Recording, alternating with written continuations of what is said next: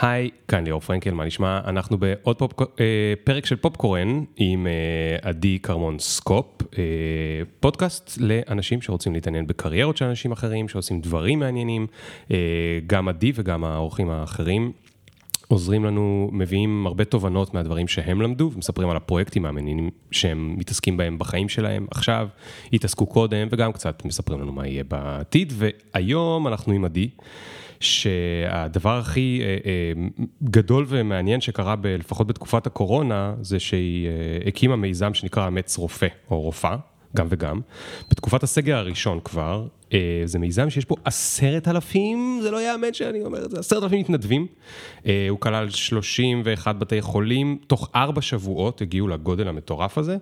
אה, היא תספר לנו על זה, אבל בעשור האחרון היא בכלל התעסקה בתחום הבלוקצ'יין וכלכלות מבוזרות, וכיזמת ושותפה לפיתוח סטארט-אפים, כולל אפקוין שיצרה קהילה שמייצרת לעצמה מטבע אלטרנטיבי, וגם על זה היא תספר לנו, וגם לא פחות מעניין הרבה הרבה הרבה מהמאזינים של פופקורן זה עניין אה, ניהול הזמן, או, או הטיפול בזמן שאנחנו מתעסקים בו, ועדי הקימה תנועה שנקראת אה, תנועת השש, או הסיקס, לקיצור יום ושבוע עבודה. אה, לעדי גם יש שלושה ילדים, שהיא קוראת להם שלושה אקזיטים נחמדים, אז עוד יותר מעניין אותנו איך את מספיקה לעשות את כל זה, וכנראה שה... זה מסביר את עצמו, אבל תספרי לנו מה זה אומר ותלמדי גם אותנו. אה, וזהו, אז יש לנו המון על מה לדבר. אנחנו ניתן למוזיקה את הכבוד ונתחיל בעוד שנייה. Yeah.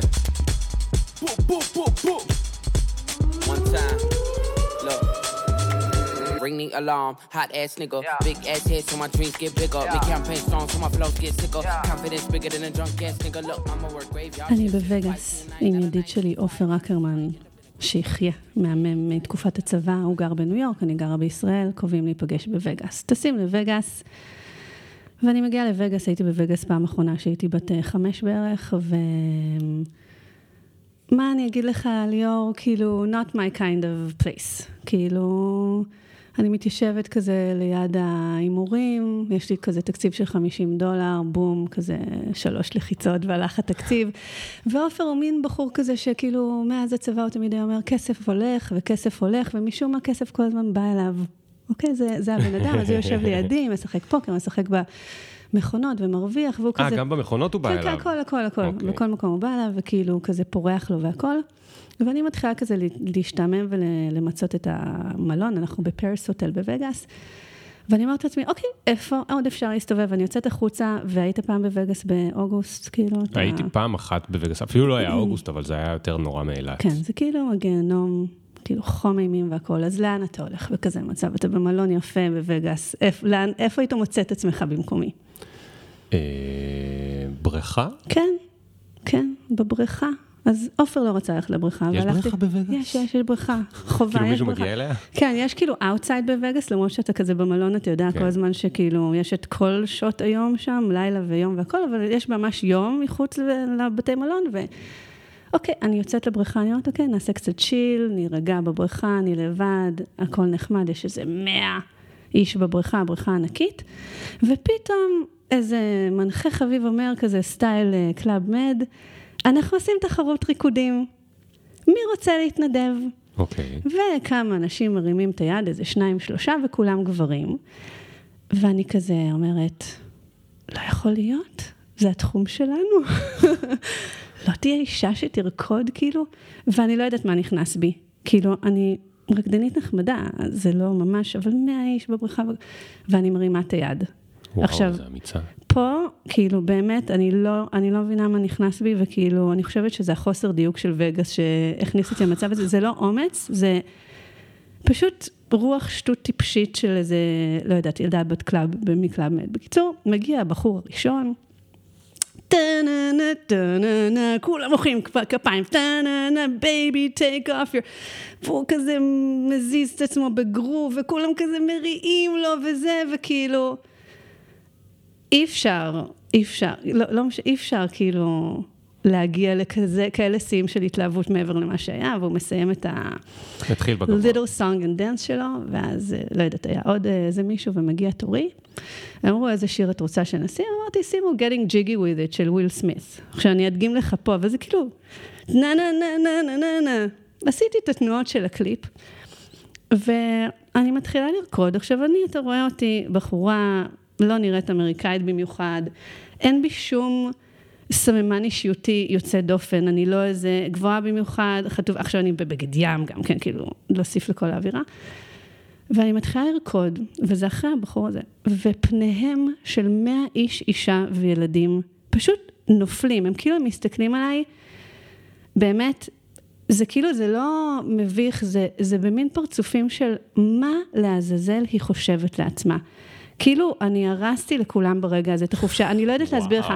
אני לא יודעת מה עשיתי שם ואיך זה נראה מהצד, אתה יודע, המודעות is a bitch, אבל היה שם משהו, כנראה מפגן מאוד מאוד לא פוטוגני של צעדי ריקוד. אני בקושי שמעתי כזה את, ה... את המוזיקה, אני רק ראיתי את פניהם של האנשים, והיו שלוש בחורות שהיו לידי בבריכה, שכזה חייכו אליי במין חיוך כזה של חמלה. כי הם ראו אותי לפני. כן. ואז כזה המנחה אומר, כל הכבוד על האומץ, משהו כמו שאתה אמרת, nice try והכל.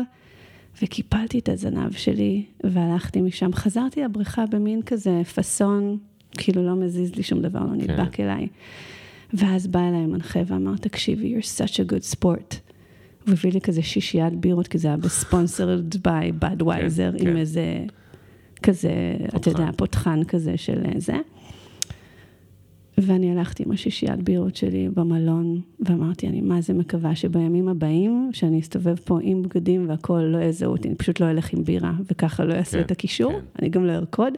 בשאר הזמן בווגאס אני ישנתי, הייתי כזה, ממש הייתי כזה במין, אה, גם הייתי בג'טלג, וזה עוד כלום לעומת הגיהנום שהיה לחזור מווגאס לניו יורק, שהייתה לנו נחיתת אונס לעופר ולי. חזרה בווגאס ולקח לנו למעשה 12 שעות לחזור לניו יורק, מה שנקרא whatever happens in Vegas, stays in Vegas, אבל לשם אני לא חוזרת, ליאור. אני לא חוזרת לשם. וואי, וואי, וואי, וואי, וואי, איזה חוויה. זה כזה מין אה, סרט רע של ערוץ 4 כזה של פעם. כן, אבל כאילו... כאילו היו שם ילדים, למה לעיני הילדים לעזאזל? וואי. טוב, אה, אה, אני לא חושב שזה הפסד גדול לא לחזור לווגאס. כאילו זה גם ככה מקום שהוא לא ברור, ההוויה שלו מאוד מאוד מוזרה, אלא אם אתה מאוד אוהב פוקר, מקום מאוד מאוד, אה, הוא כאילו אחד ה... את יודעת, כמו דיסני, הפארקי שעשועים וכל מיני מקומות כאלה, ווגאס הוא כאילו איפשהו ב top. כן, של, של ה sleaze של המבוגרים, הדיסנילנד. אה, אז ה sleaze והכאילו הכי יפה ומפואר, אבל זה כבר כל כך יפה ומפואר שזה זה פייק. מוזר. לא, אבל אז לא, אתה יוצא לא לחיים אני. אמיתיים, ואז אתה אומר, רגע, אולי זה כמו ב Inception, אולי עכשיו אני במטריקס, כאילו זה... המעברים האלה כן. דווקא הם טובים מבחינה תודעתית. אה, כאילו... את אומרת, כאילו זה מחזין, כן, קצת כן, מאפס אותך. כן, אתה, לא, אתה חוזר למציאות ואז אתה אומר, רגע, אולי יש עוד שלב ללכת אחורה. אה, ובעצם החיים עצמם הם גם כאן איזושהי סימולציה ומשחק בדיסנילנד, ובעצם הייתי בדיסנילנד בתוך, כמו באינספשן כזה, שאתה כבר לא יודע איפה החלום ואיפה המציאות. אז תגידי, עדי, מה, איך, איך מייצרים מפעל התנדבותי עם עשרת אלפים מתנדבים בכמה שבועות? מה לעזאזל? כן, זה, קודם כל, זאת חוויה שהיא overwhelming. ולפעמים אתה כאילו, אתה זורק את ה... את ה pebble, איך אומרים? את האבן בתוך האגם הנכון, mm-hmm. וזה פשוט, זה, זה מתפשט. Mm-hmm. אז האגם הזה כרגע, אנחנו מדברים על אמץ רופא, התקופה היא אה, מרץ 2020. תחילת הקורונה. ממש תחילת הקורונה, עוד לפני הסגר, ו... אנחנו רואים, כאילו, אני מסתכלת, אני רואה את הזוועות באיטליה ובסין, ואני אומרת, כאילו, fuck, אצלנו כבר יש זקנות במסדרון, כאילו, בלי קורונה, כאילו, מה הולך לקרות? אמ, ואני אני כאילו... רגע, מה זאת אומרת, fuck, יש זקנות במסדרון בלי קורונה? 2020, מערכת הבריאות בישראל גם ככה, כאילו, כל הזמן אומרים שהיא על סף קריסה. אה, במסדרון של הבית חולים. בטח, אוקיי. כאילו, מה, אוקיי. מה איך, איך אנחנו יכולים להתמודד עם זה? כאילו, מה... מה הולך לקרות פה. אז כאילו הדבר הראשון שאני חושבת ברטרוספקטיבה זה שהייתי מאוד מוכוונת הזדמנות. כאילו ראיתי בקורונה ובחוסר ודאות כהזדמנות אה, לעשות משהו. Hmm. כאילו, אנחנו היינו לפני סגר, הילדים עוד לא היו בבית. אה, ממש דיברו על זה שהם הולכים כאילו להפסיק את הזה, ויש לי שלושה ילדים, אז כאילו שלושה ילדים אה, בבית ו... וחיפשתי הזדמנות. זאת אומרת, זה, זה הדבר הראשון שאני חושבת שעשיתי. אמרתי, אוקיי, יש פה תנאים של חוסר ודאות, אנחנו, אולי המערכות יקרסו, איך, איך מתעלים את, ה, את הכוונה הזאתי? למקום טוב. אז בהתחלה הסתכלתי על אה, חברות של אימא שלי, אולי משהו סביב בדידות וזה, כל מיני דברים. ואז דיברתי עם חברה שלי, איריס, והיא הייתה רופאה מתמחה במיון באיכילוב, ואמרתי, תגידי איריס, כאילו באמת אין מסכות כאילו לרופאים, אני קוראת שיש מחסור במסכות והכל, והיא אמרה, עזבי ידי, מסכות זה עוד כלום. הבעיה העיקרית זה שהחברים שלי, המתמחים והמתמחות, יש להם ילדים קטנים. וזה, אתה יודע, פעם ראשונה יש לך פתאום בום, ילדים בבית, mm-hmm. והם לא נמצאים בבית כמו כולנו, הם בחזית של כאילו כן. מחכים לזוועות ולזה שהולך לקרות, כאילו היה הרבה חוסר ודאות, אתה יודע, היום אנחנו יכולים להסתכל על זה ולהגיד, טוב, זה היה הגל הראשון, אחר כך היה הגל השני. ו... והיא אמרה, אין להם סידור לבייביסיטר, כי המטפלות שלהם מבוגרות והן בקבוצת סיכון, וההורים שלהם הם גם כן מבוגרים, והבייביסיטר, את הנערות, ההורים לא מרשים, וגם אתה לא כן. יכול להוציא כל כך הרבה כסף על בייביסיטר, כאילו גם על המזון. נכון. ויש בעיה אמיתית, אוקיי? הבעיה הייתה בעיית שמרטפות והכול. ואני אוהבת ממש ממש להסתכל על בעיות שהן כאילו מערכתיות מאוד מאוד גדולות, ולנסות לפרק אותן ולהבין, אוקיי, אז מה הפתרון ש... שאפשר להביא לכזאת בעיה מורכבת? זה כאילו, I like it, כאילו זה הקטע שלי, שאני אומרת, אני מוכוונת על משהו, אני מחפשת בעיות אבסטרקטיות כאלה, שכאילו, אולי יש איזשהו פיצוח. ועשיתי מדיטציה, ולא משנה, לפני כמה, שב, כמה שבועות לפני זה עשיתי איזשהו קטע ביום הולדת שלי, שזה כזה הבילדאפ של זה כנראה.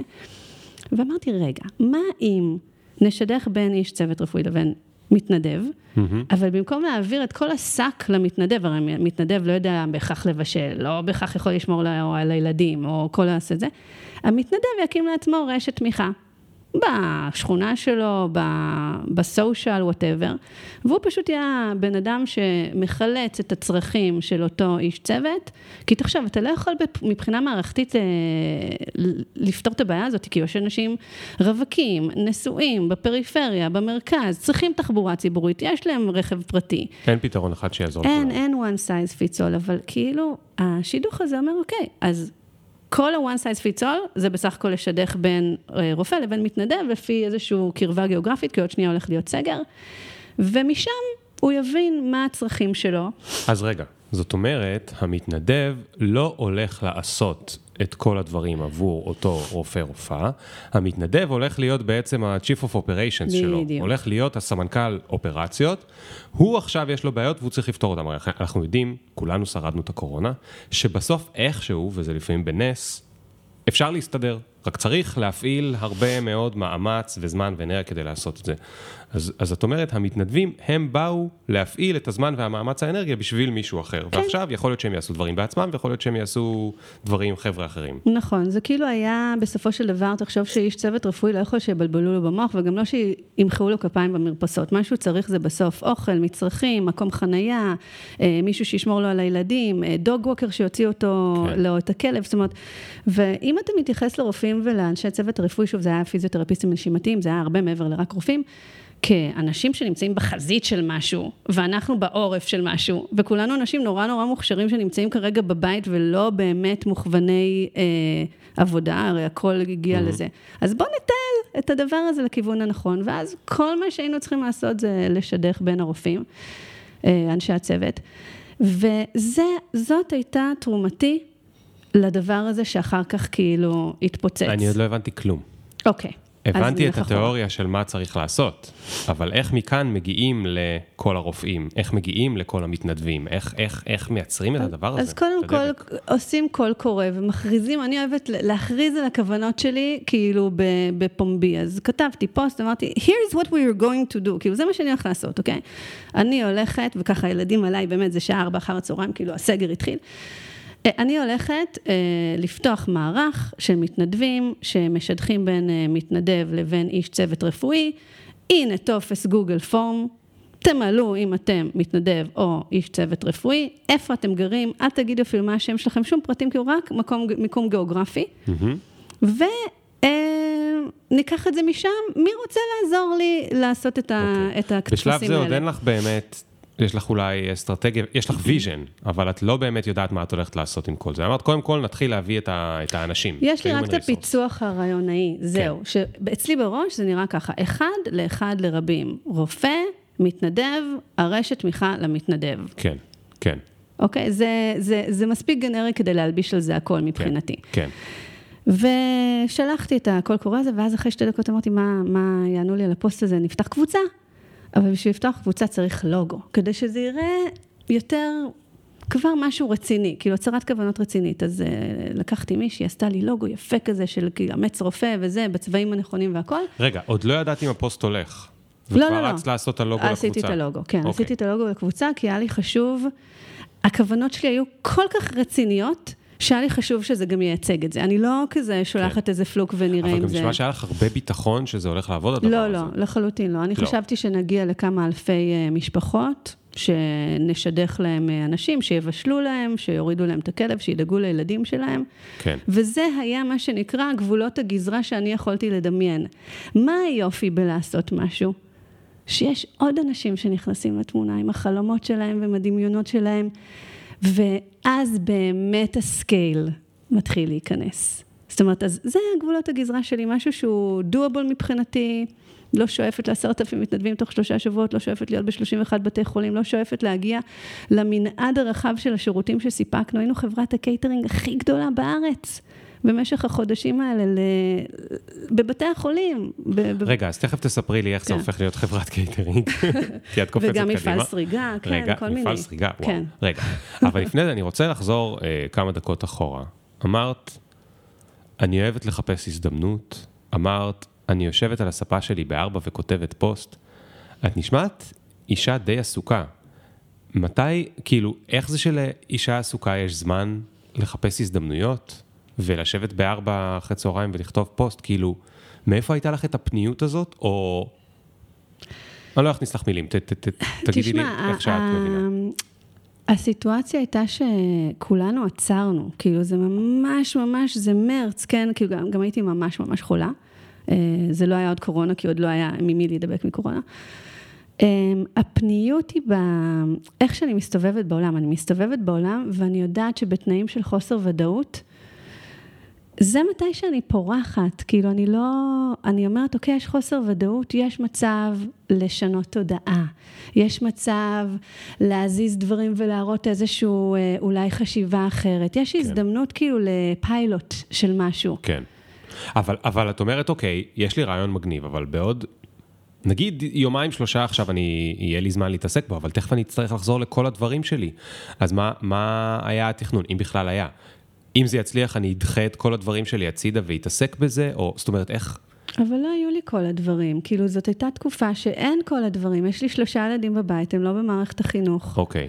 ואין... אז זאת אומרת, אין- בכל אופן אי אפשר לי, כן. להיות פרודוקטיבי לגבי כל תקש- התוכניות שלנו. גם בסוף המתנדבים שלי היו מפיקות על שכל ההפקות שלהם אה, עצרו. Hmm. אה, אה, אנשים שהם, אתה יודע, אלה היו אנשים בסוף, כן, בשלנים שלא היה להם, כאילו, כן, בסוף האנשים כולם היו דורמנט בבתים שלהם, עם כל הכישרונות שלהם, עם כן. כל הפוטנציאל שלהם, עם כל הרצון שלהם, היה סנטימנט.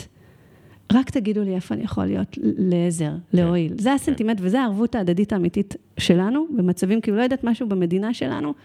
ברגעים האלה אנחנו כאילו, אנחנו, we step up, וזה היה הסנטימנט. זאת אומרת, כשאני אומרת לזרוק את האבן באגם הנכון, האגם הנכון היה סנטימנט חיובי כלפי הרופאים, שאנחנו מבינים שהם הולכים לטפל בנו ובקרובים שלנו, כן. שהולכים לחלות בדבר הזה שאנחנו נורא מפחדים ממנו. כן.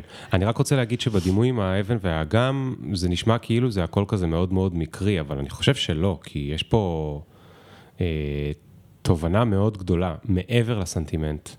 אני לא יודע אם זה היה מתוכנן או שזה יצא ככה, אבל התובנה הגדולה היא, לאנשים הולך להיות עכשיו הרבה זמן להתעסק במשהו. זאת אומרת, יש פה נכס, זה כמו שאת יודעת, אה, Airbnb, כל מה שהם עשו, זה היה להם, סתם, הם עשו המון דברים והם עבדו נורא קשה, אבל ה big thing שהם עשו בהתחלה, זה היה להם one insight. יש מלא אנשים שחלק מהזמן הם לא בבית שלהם, אז אפשר להשכיר אותו. זאת אומרת, יש פה משאב לא מנוצל. וזה היה, זה insight מאוד מאוד חשוב בסיפור הזה. כי אם היית עושה את כל זה, עם כל הסנטימנט וכל הזה, אבל כולם היו צריכים ללכת לעבודה בבוקר, אה, אז היו לך אה, 15 מתנדבים אחרי שלושה שבועות, ולא עשרת אלפים. כן, אז אמרתי לך שאני כזה אהיה בכנות אקסטרים, אז בוא שנייה נרים מסך לכמה שבועות לפני זה, אוקיי? כמה, כמה שבועות לפני זה. אני כותבת לחברות שלי אה, מ-W, של נרקיס אלון, אה, חברה שלנו, ושזה מין אה, רטריט וקהילה לנשים יזמיות ויוצרות ואומניות באשר הן. אני כותבת להם, תקשיבו, אני הלכתי לאיבוד. הסטארט-אפ שהייתי בו נסגר בדצמבר 2019, זה היה סטארט-אפ שהתעסק בסייבר על הבלוקצ'יין, מאוד מאוד אהבתי את התחום, זה היה ממש כאילו, באמת פרחתי שם, הייתי שם בפיתוח עסקי, ו, ואני יודעת מה אני רוצה לעשות, ואני יודעת מה המסר שלי לעולם, אבל אני לא, כאילו איבדתי את הדרך ואני רוצה את העזרה שלכן, ובואו נקבע כזה אחד על אחד, וישבתי עם כמה מהן, והם נתנו לי עצות נורא טובות שלא לא, לא פגשו אותי. כל אחת מדברת מהמקום שאת תקשיבי, את צריכה ללכת לארגון corporate, שם עושים את הדברים בגדול, שם יש את המשאבים, כאילו אלה היו השיחות, מאוד מאוד עם רצון טוב, אבל לא פגשו אותי. ומה שכן קינן בי, זה איזושהי תובנה שאפשר, וזה שבועות לפני האמץ רופא, על משהו שקראתי לו crowd, crowd fund, לא crowdfunding, crowdsourcing, כאילו, של, של crowd tasking, של היכולת לקחת המון המון המון המון המון המון אנשים, שכל אחד יבחר משימה מאוד מאוד מאוד מאוד מאוד קטנה וספציפית שקל לו. אני, קל לי לבשל, קל לי לעשייה, קל לי לסרוג, קל לי אה, לכתוב טקסטים, קל לי לעצב לוגו, whatever. איך אפשר להוציא פרויקטים ענקיים? ב crowdsourcing, uh, וזה היה, זה היה מה שרץ לי mm, בראש באותו זמן, זאת אומרת, אוקיי. והתחלתי להקליט מחשבות שלי, ואז אמרתי, אז הייתה לי יום הולדת ב-22 בפברואר, ואמרתי, אוקיי, ביום הולדת הזאת, מה אני רוצה? כאילו, יש לי 15 דקות של תהילה, יגידו לי מזל טוב, מזל טוב, מזל טוב, מזל טוב, זה סתם, זה, זה נכס לא מנוצל. ואני רוצה לתעל את האטנשן הזה לטובת משהו, ואמרתי, אני רוצה לתעל את זה לטובת מתנה קולקטיבית. זה כאילו, זה משהו שהבזיק במוחי אחרי מדיטציה. איך אני יכולה לגרום לאנשים לקנות לי מתנה ביחד לאנשים זרים? ומה המתנה שאני רוצה? אני רוצה להקים אתר לתנועת השש.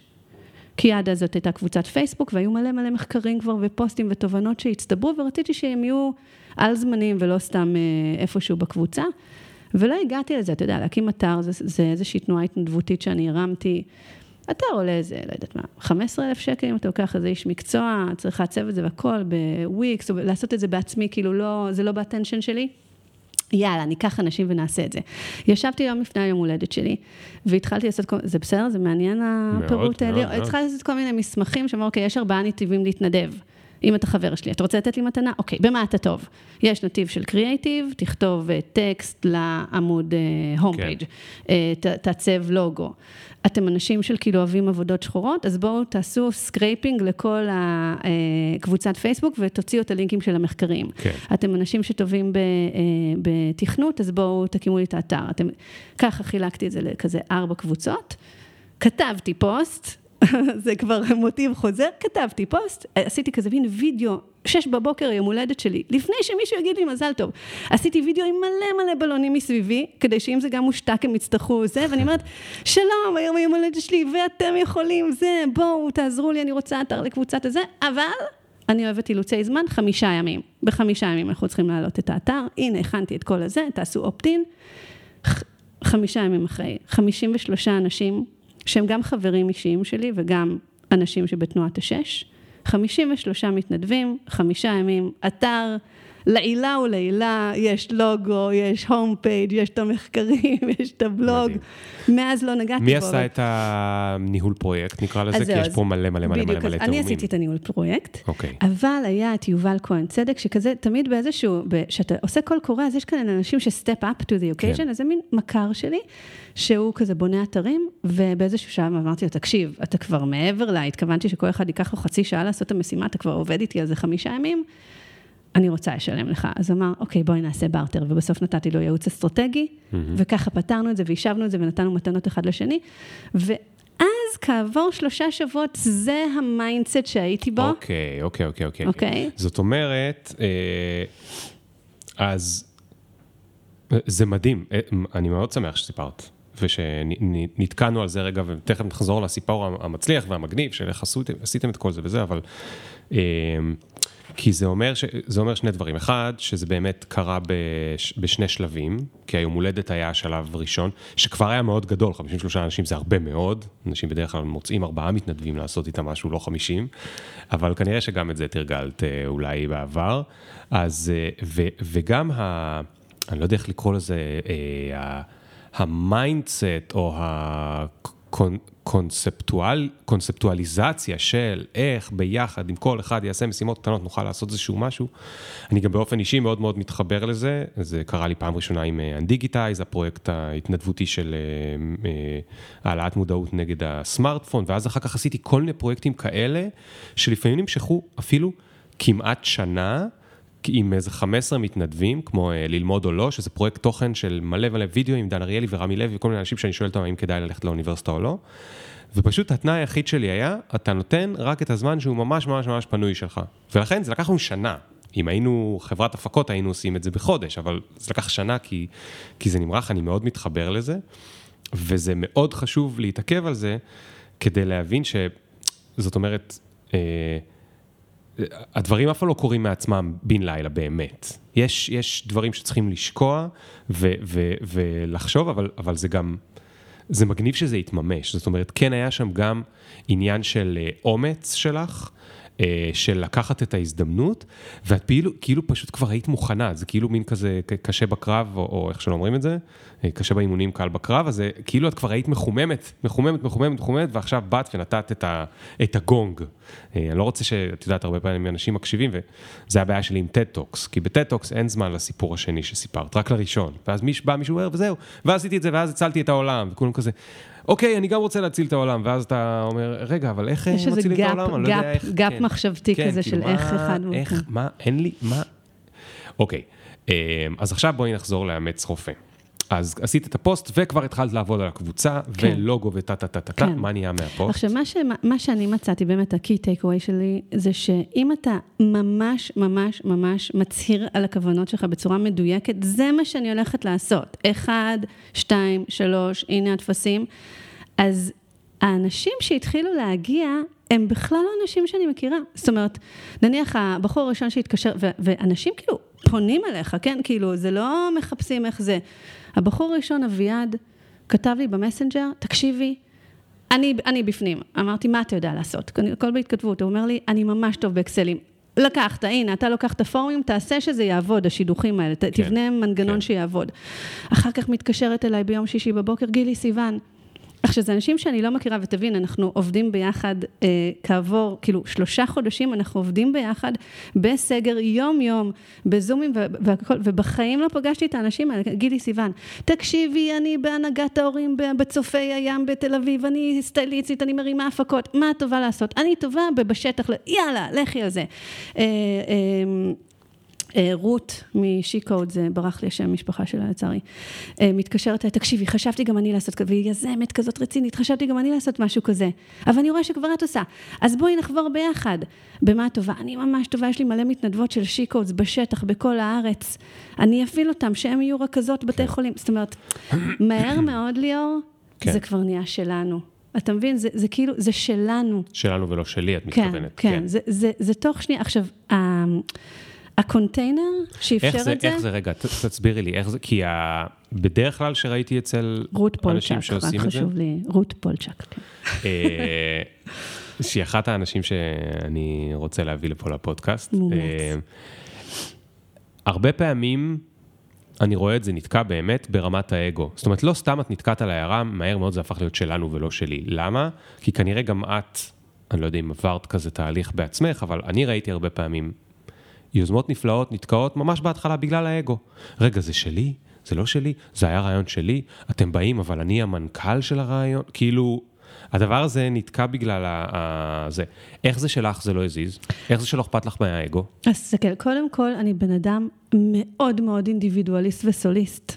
אוקיי? מאוד. אני היום, אני יושבת בבקתה בצופית, לבד, כאילו, זה, זה הסביבת עבודה שלי. אז קודם כל צריך להכיר בזה שאני לא המנהלת, המגניבה, הרותמת הזה, אני סוליסטית, ויש לי אז כאילו... אז אחת כמה וכמה. בדיוק, בדיוק, אבל אני מתעסקת כבר עשור בתחום של בלוקצ'יין, וכל הקטע של בלוקצ'יין, כאילו אם אתה באמת באמת מבין את הברזלים של זה, לא את הכסף, לא את הביטקוין, לא את העלייה של המחיר, אלא את האסנס, את המהות בזה, זה לעשות ביזוריות. ופשוט לפרק את מוקדי הכוח. והדבר הראשון שהייתי עכשיו. חייבת לעשות, אוקיי? זה לייצר מנגנון שאני מפרקת את המוקד הכוח הראשון, שהוא אני. כן. אוקיי? זה הדבר הראשון שעשיתי, לפרק את מוקד הכוח שהוא אני. ואז אני, the rest אני, will follow. אני, אנחנו חייבים לדבר על זה אז. כי זה, הייתה לי שיחת סלון עם אה, חבר טוב לפני אה, שבוע נראה לי, ודיברנו על העולם, ואופטימיים, פסימיים, וטה טה טה טה טה, ומתישהו אני אמרתי משפט שעכשיו יישמע סתום למי שפחות מכיר, ומי שמכיר יבין בדיוק למה אני מתכוון. אמרתי לו, אחד הדברים היחידים שגורם לי להיות אופטימי, זה אם הבלוקצ'יין, אם הקריפטו יצליחו, לא בגלל הכסף שזה יעשה למישהו וזה, אלא כי זה אומר שהבת שלי תגדל על הבנה של מה זה אה, אה, ערבות הדדית. ועכשיו, מי שמבין בלוקצ'יין הבין למה בדיוק התכוונתי, מי שלא, לא הבין כלום, אז אני רוצה שתסבירי את זה למי שכאילו לא הבין כלום, ו- ובואי נדבר על זה רגע, כי זה נורא נורא חשוב. אני מתה על זה. אני מתה, אני מתה להסביר את הדבר הזה, שהוא כאילו, יש לו איזושהי תדמית כל כך פיננסית וכלכלית וקרה, ובמהות של זה, יש את בדיוק את מה שאמרת, חד משמעית, שהבת שלך תגדל בעולם שמוקדי הכוח, הם, אה, אין, אין, אין ריכוזיות, אין מוקד אחד של כוח, אלא זה פשוט, זה שבטים ואיים שיש ביניהם כן. אה, איזושהי חברות. אז בואי נסביר רגע, מה, מה ההבדל בין הכסף הרגיל שאנחנו מכירים לבין הכסף שהוא בבלוקצ'יין? אוקיי, אז הכסף הרגיל שאנחנו מכירים, הוא אה, נוצר במקום ריכוזי. אוקיי? אני יותר מכירה בארצות הברית, אז אני יכולה to reference את ארצות הברית, אבל יש מקום שנקרא US Mint, ויש מקום שנקרא Federal Reserve, כל מיני מוסדות כאלה. כן. בארץ זה הבנק המרכזי לישראל. כן, וה-Federal Reserve, שזה הבנק המרכזי, זה איזשהו אה, גוף פרטי, שהוא מחליט על המדיניות של הנדפיס או לא נדפיס. זאת אומרת, נפתח את הברז ונדפיס מלא מלא כסף לתוך הכלכלה בגלל שאנחנו רוצים לעודד צריכה טה-טה-טה, או נסגור את הברז ו- ולא נדפיס כסף, אוקיי? כן. זה, וזה מוקד ריכוזי, יש לו את השיקולים שלו.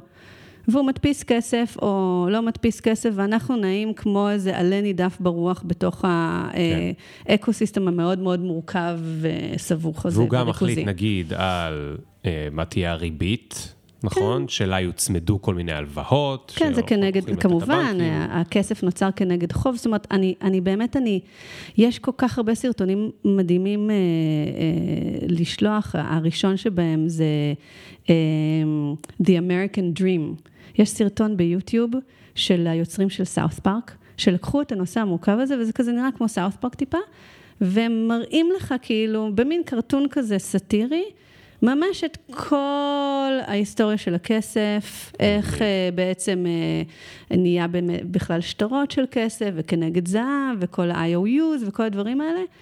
ופאסט פורד לעידן שבו אנחנו חיים, יש איזשהו כלי שאנחנו משתמשים בו כל יום, שהוא אפילו לא אמצעי אלא מטרה בחיים שלנו, ואנחנו לא בכלל educated, אנחנו לא מחונכים או יודעים איך הכלי הזה עובד ואיזה פיון אנחנו בתוך כל המערכת הסבוכה הזאת, אוקיי? זה המערכת הקיימת. כן. בבלוקצ'יין, מה שהיה, זה אמור... רגע, אז רק, אז רק כן, משפט אחד בטח. אחרון, כי, כי הם לא ראו עכשיו את הסרטון. אז נכון. רק משפט אחד אחרון, אותו פדרל ריזרב מחליט כמה כסף יש, הוא זה שיכול להלוות לבנקים. הוא, הוא מלווה... הוא, הוא מלווה לבנקים. נכון. ואני מפשט את זה, אגב, יש אחלה אה, פרק גם עם אבי שטרן, אני חושב שהוא הסביר חלק מהדברים שם, אבל הוא מלווה לבנקים והבנקים מלווים לנו, נכון. או אנחנו שמים שם את הכסף, הם גם מלווים לנו, ומותר להם להלוות יותר ממה שבאמת שמנו נכון. שם, על פי איזושהי נוסחה שהבנק mm-hmm. מרשה להם. כן. אבל זה אומר שכל הכסף שיש לכולנו, יש מישהו אחד שיודע איפה הוא מסתובב, זאת אומרת, כל אחד והבנק שלו, אבל יש עוד בנק מרכזי כזה שהוא יודע על מה שקורה בכל הבנקים. אז יש איזשהו, אפשר לדמיין איזושהי דמות שיודעת על כל הכסף של כולם, דמות אחת, מרכזית. נכון, נכון. והיא באמצע. עכשיו, של... למה אנחנו מתעכבים על הפדרל ריזרב? בגלל שכל השאר המטבעות, ה-currencies, הם בעצם מוצמדים לדולר, ולכן הדולר הוא כזה כן, קריטי. כן, אבל זה נכון גם בכל מדינה אחרת. נכון, וזה פרקשנל אוקיי. ריזרב, מה שתיארת, שכאילו הבנקים יכולים להלוות מעבר לכסף, וככה נוצרת מין בועה כזאת, ובסוף זה מין כיסאות מוזיקליים, שמי שבסוף לוקחים לו בית או חפץ טנג'בילי זה אנחנו, כן. האחרונים בשרשרת של ההלוואות. מערכת ממש ממש ממש תפוקה, שמנהלת לנו את החיים, וזה מה שיש, וזה מה שהיה הכי טוב שהאנושות הצליחה לנצ... לחשוב עליו. עד 2009, אה, סטושי נקומונטו, whoever he is, או הם, אה, כותב איזשהו white paper, ובעצם מגלגל איזשהו רעיון שמחבר בין המון דברים שאני לא מבינה בהם שיט, כמו אה, אה, קריפטוגרפיה, ו, אבל אני, מה אני לקחתי מכל הדבר הזה? כי אני אוהבת פילוסופיות ואני אוהבת קונספטים שהם פשוטים ויש בהם איזושהי אמת, ומה שלקחתי זה שבהכרח, אם יש לך מוקד כוח, אז המוקד כוח הזה יהיה מושחת, בהכרח, לא יעזור כלום, לא יעזור כלום. כאילו זה, הגרידיות הזאת, זה טבע האדם. עכשיו, מה עשה סטושי נקמות? אמר, אוקיי, בוא נלך עם הגרידיות. למה ללכת נגד? כי כל פעם שאתה מנסה לייצר משהו שהוא do good, נניח אה, גוגל, מה הייתה הסיסמה שלהם? אה, do no, do no evil. כן, do no evil. זו סיסמה מאוד יומרנית. כי יכול להיות שעשיתם לי evil כי לא, כי סגרתם לי את החשבון כן. ג'ימל שלי וזהו, כן. ובזה פוצצתם את כל כן. הדבר. אז בעצם בבלוקצ'יין אומרים, בביטקוין, אוקיי, כולנו רוצים לעשות איבל, האיבל הוא, אנחנו רוצים למקסם את הרווחים שלנו, בואו נלך עם זה. ונבנה מערכת שהיא הולכת עם המקסום רווחים. ואיך שזה פועל, זה למעשה שבמקום שיהיה גורם אחד, כמו שאמרת, שמנהל את כל המעקב של כל הכסף, רגע, כמה כסף הלווינו וכמה כסף הדפסנו והכול, למעשה, כל אחד שהוא חלק מהרשת של הביטקוין, מנהל איזשהו פנקס אישי, של ה... אוקיי, ההוא הלווה להוא וההוא הלווה להוא, זה משהו טכנולוגי, זה נעשה כאילו על ידי זה שאתה מוריד איזושהי תוכנה, ארנק אלקטרוני, whatever, אבל בסופו של דבר, האנלוגיה הכי טובה לזה, שאני חושבת שאנשים הכי מתחברים אליה, היא Napster מול BitTorrent. אתה זוכר מה היה עם Napster? אני כאילו ממש זקנה, אז אני זוכרת. אמ, הכוונה היא איך זה עבד? כן, הוא אמר, אה, כאילו, יש שרתים כן, כן. בחברה. היה, היו שרתים מרכזיים, ששם היה הרבה מאוד קבצים שיכולת להוריד בצורה בלתי חוקית, פיראטית. וכולם התחברו לאותם נכון. שרתים מרכזיים והורידו משם. מוזיקה, סרטים, כן. עוקפים את כל החברות תקליטים, כל המודלים עסקיים שלהם, נכון. כל האולפני אה, כן. קולנוע, כל הישויות הקטנות האלה ש...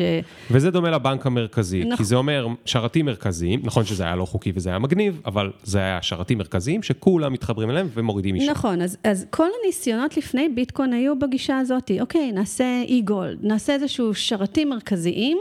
שאנחנו נאפשר לאנשים לעשות את אה, כסף אה, אלטרנטיבי, ווטאבר, ואז מה שקורה זה אתה אדם אה, אה, מישהו שרוצה לשנות את העולם, ואולי אתה קצת אה, אנרכיסט, ויש לך הרבה מאוד כוונות טובות, ואז מגיעים כל הסוץ, החליפות, מתחילים לתבוע את אימא שלך, סליחה על הביטוי.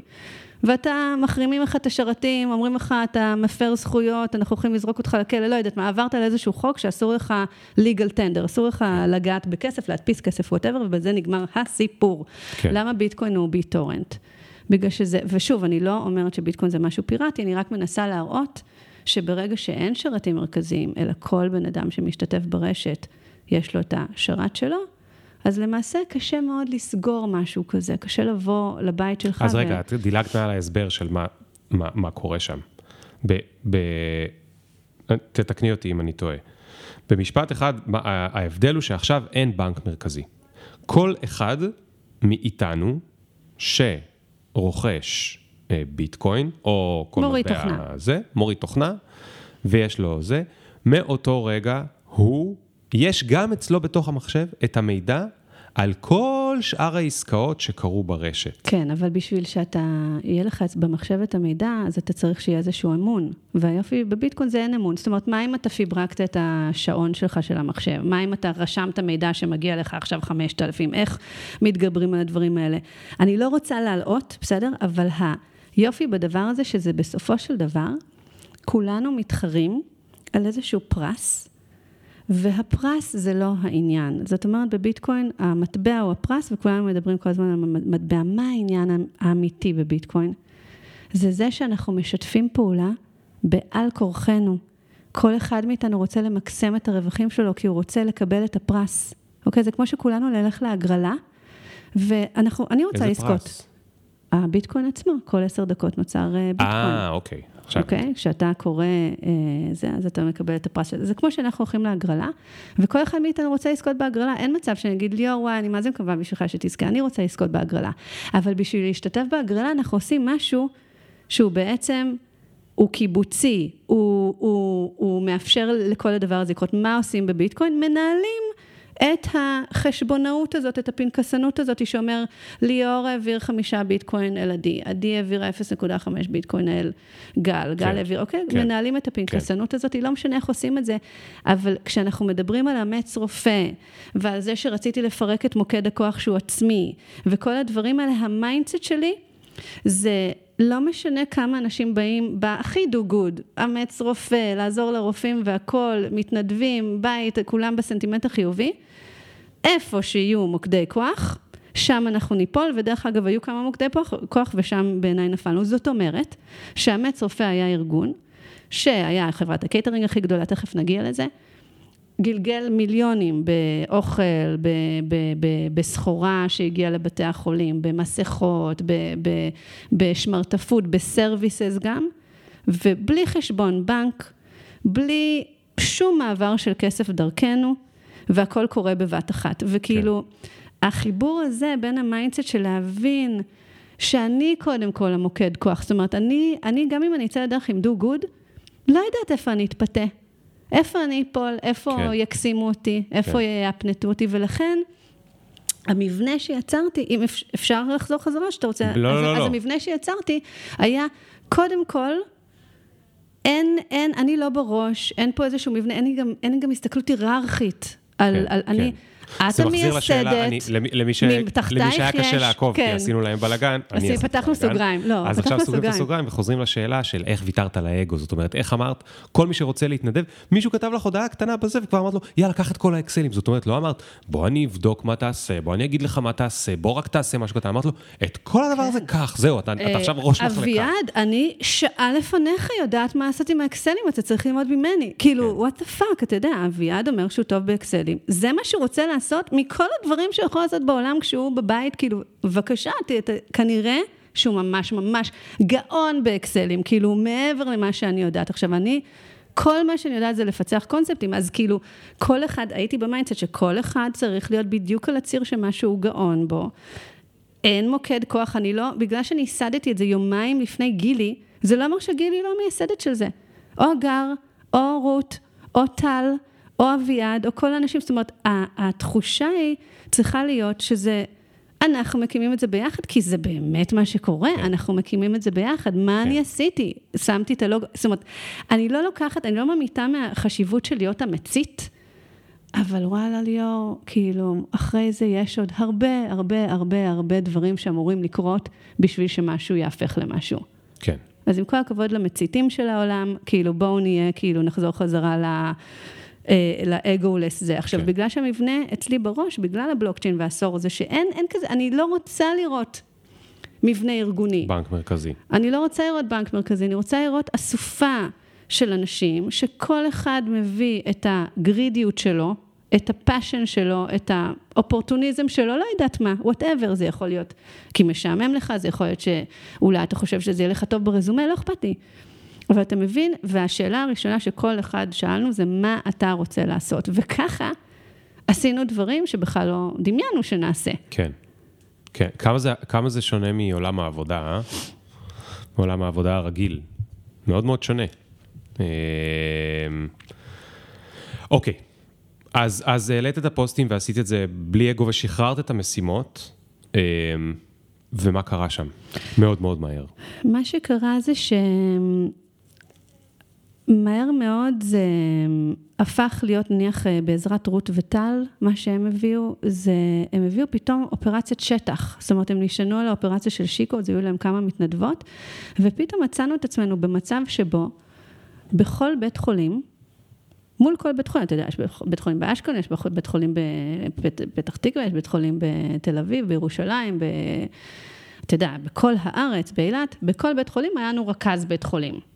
זה לא באמת התחיל ככה, זה התחיל בזה שאנחנו שידכנו בין הרופאים, היו, הייתה היענות נחמדה של לאמץ רופאים, כמה אלפי רופאים, בסדר? נחמד, אתה נכנס לתוך הבתים, יש לך אה, אה, מתנדב, אבל הרופאים מאוד התביישו לבקש עזרה, כי מה, עכשיו תשמור לי על הילדים, ת, גם להכניס זר הביתה ותבשל בשבילי, אז היו כמה אלפי גם אמיצים. זה לא מאורגן, זה לא שאתם איזה ארגון שחמש כן, שנים כן, עושה לא את זה. לוקחים- עכשיו לא כאילו מישהו, אני צריך לסמוך עליו כן, שיעשה אבל- לי ביביסיטר, שהוא אבל אתה יוציא את יודע, הכלב. ליאור, מה, מה הקסם שם? שזה לא מישהו, זה השכן שלך משני רחובות מפה. זאת אומרת, אנחנו שידכנו ברמת השכונה, ברמת הרחוב, כי היינו בסגר, היה 300 מטר, אם אתה זוכר. אז זה לא מישהו שלא תיתקל בו במכולת, בסדר? זה לא איזה כן. מישהו שהוא, לא יודעת, ווירדו כזה. אבל מה שהיה זה שהם הם הביאו את השטח, זאת אומרת, הם אמרו, אוקיי, אבל לא יכול להיות שנשאר בבתים. כאילו, ואז הרופא הולך לבית חולים, והוא מספר על אמץ רופא. ומה שהיה זה שנהיה לנו רכז לבית חולים. עכשיו, הרכז... התחבר לכל מיני קהילות, כזה קהילת uh, תל ברוך, כל מיני קבוצות וואטסאפ של נשים, mm-hmm. שנורא רצו לטייל את עצמם. והם בישלו, והרכז פשוט uh, ריכז את כל המעבר של האוכל. רגע, מי בישל? מה, איך הגענו לבישולים? הקהילות, הקהילות של, יש כל מיני קהילות של מאמות כאלה של אימהות, שרק אה, זה, במושב שלי יש כזאת קהילה. אוקיי. אז כאילו... פתאום הגענו לקבוצות וואטסאפ, דרך המתנדבים, דרך הרופאים עצמם.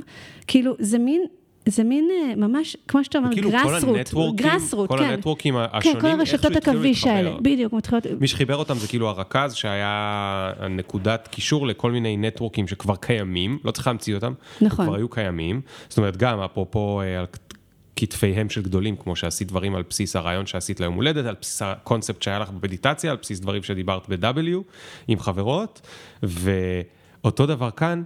בזכות הקבוצות וואטסאפ והקבוצות פייסבוק, זאת אומרת, כבר היה תשתית של הרבה קהילות, ועכשיו הייתה הזדמנות מצוינת לחבר אותם לצור, לצורך ספציפי. אני אראה לך אבל איך זה קורה, בסדר? כי זה קשה לחשוב על אוקיי, יש קבוצות וואטסאפ. מה היה מהמושב שלי? חברה שלי שמעה שאני עושה את אמץ רופא, רצתה לאמץ רופא. אה, פנתה לאמץ רופא, שידחו לרופא מהמושב, אנחנו 250 משפחות במושב. ואז היא פנתה לקבוצת וואטסאפ של המושב שנקראת נהגת מרוצים, יש שם 250 נשים, והיא אמרה, היי, אני התנדבתי לבשל עבור אנונימי, כאילו עבור רופא. איך שזה הולך לקרות זה אני הולכת להעביר להם את האוכל. יש פה אקסל שהיא עשתה, של הנה יום ראשון, יום שני, יום שלישי, ממש כאילו כל יומיים, מעבירים להם האוכל, הכלים אני אשטוף, ווטאבר, אני מסיעה. תשתפצו. זאת אומרת שגם מה שאנחנו עשינו, של בוא אביעד, תעשה, תיקח את האקסלים, אז היא מתנדבת ואומרת, בוא, כן. ככה זה קורה, אתה מבין? זה כאילו, בכל מקום יש את המתנדב שהוא לקח את חופש הפעולה כן. ולא אמרו לו how כן. to. זאת אומרת, לא היו מנגנוני פיקוח, מנגנוני בקרה, מאיפה אנחנו יודעים? בירוקרטיות. מאיפה אנחנו יודעים, ליאור? מי שמנו? מאיפה אנחנו יודעים? באמת, שתלך לעמותות, שם יש את כל היעילות וכל המנגנונים וכל התהליכים, התהליכים הטובים. הם עולים מהשטח, אז יש מלא תהליכים גרועים אולי שקרו בשטח, ואז אה, אה, רופא אומץ אבל לא פנו אליו, או אמרנו לרופא, אם לא פונים אליך, תחזור אלינו, נשדך לך כן, מתנדב אחר. כן. תמיד היה לנו פי שלושה מתנדבים יותר מאשר רופאים. אבל אז מה שקרה, אז כבר יש לך 250 משפחות על רופא מסכן אחד, אז מישהי אחרת הרימה את הכפפה ואמרה, בואו נבשל לבית חולים מאיר. אוקיי? אז, ואז פתאום יש שמונה משפחות שמבשלות לבית חולים, כאילו פתאום נהיו ה-wheels get in motion, אבל זה בגלל שייצרת רק את הקונטיינר שכל אחד יכול להביא את עצמו. כן, כן. ולראות שזה שלו. עכשיו, תבין לאיזה רמה זה הגיע. היו מתנדבים שהתראיינו בקול קורא באר שבע, וסיפרו על זה שהם אמץ רופא, והם הקימו את זה בבאר שבע. זאת אומרת, they made it their own, וזה כן. אפרופו האגו של כאילו, מה זה רע, ליאור? מה זה רע שאנשים שהם כביכול עובדים, או הצטרפו אה, אחרי כמה חודשים או כמה שנים, כשאתה סטארט-אפיסט, מה זה רע שהבן אדם הרגיש שזה שלו, אבל לא הרגיש שזה שלו, כי אני אספר לו שהוא חלק ממשפחה חדשה, והנה יש פה כל מיני אה, מלכודות אה, דבש בדמות אה, פלייסטיישן ושף פרטי בימי חמישי. אלא תעשה את זה משלך בגלל שאתה באמת באמת עושה את הדבר שאתה הכי הכי אוהב, ואז אתה תגיד, אוקיי, אבל זה מתנדבים וזה תקופת קורונה, ואני אומרת, לא, זה גם בחיים ככה צריך לעשות. רק את מה שאתה אוהב, רק מה שאתה הכי גאון בו, רק מה שמסב לך את הכי סיפוק ואושר, רק את זה לעשות. כן. לא משנה באיזה, באיזו מסגרת. אנחנו היום שנה ו... שנה וחצי אחרי. מה קורה עם הארגון הזה היום? הוא, הוא חדל מלפעול. ברגע שנגמר הסגר הראשון, אנשים חזרו חזרה לעבודה, הם אמרו, כשהתחיל הסגר השני, אמרתי, אתם רוצים להרים את זה עוד פעם? אמרו, תקשיב ידי, אנחנו עסוקים, הסנטימנט עבר מהרופאים להגיד, טוב, לא, לפחות יש להם עבודה, מה עם המצב הכלכלי, מה עם אנשים שהם אה, נפגעו כלכלית מכל כן. הסגרים האלה וכדומה, והסנטימנט עבר הלאה, והופ, העביר אותנו הרוח לדבר הבא, זאת אומרת, אני גם לא נתקעת על משהו עכשיו שכאילו, הוא כבר לא רלוונטי. כן. והיה לו את השעתו היפה ובאמת, כאילו, היו שם סיפורים, יש לי איזה סיפור אחד, אה, קוראת לו סיפורו של כפתור. לספר אותו, או שאתה רוצה לעבור הלאה? אה, ליאור? ספרי אותו.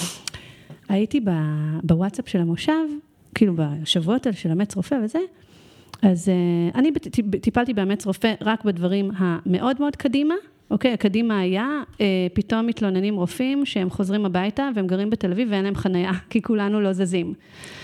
אז איך מייצרים חנייה? אז מתנדבים, הוצפנו בטופס חנייה, ואז מתנדבים, פינו את מקומות החנייה שלהם וואו, גדול. בשביל שרופאים שגרים לידם יוכלו לחנות בחניה שלהם. אוקיי? היו, היו ניסים, מיליון ניסים שקרו, אבל סיפורו של כפתור זה אני בוואטסאפ של המושב, ומישהי אומרת, אני מחפשת כפתורים, אני סורגת משהו לרופאים, אני כזה, "אה, לרופאים מה?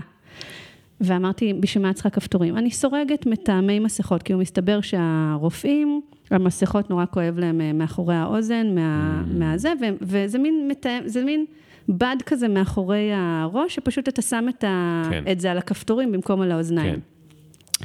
אז אמרתי, תעלי לאמץ רופא, כאילו, תספרי מה, איך את סורגת, כאילו, מה כן. כפתורים עכשיו? תספרי, לא, אין לי פייסבוק, אה, תביא לי את ה... לא יודעת, את ה pattern שלך, של הסריגה, הרי יש שתי עיניים לפה, עין אחת לשם, אני לא מבינה בזה.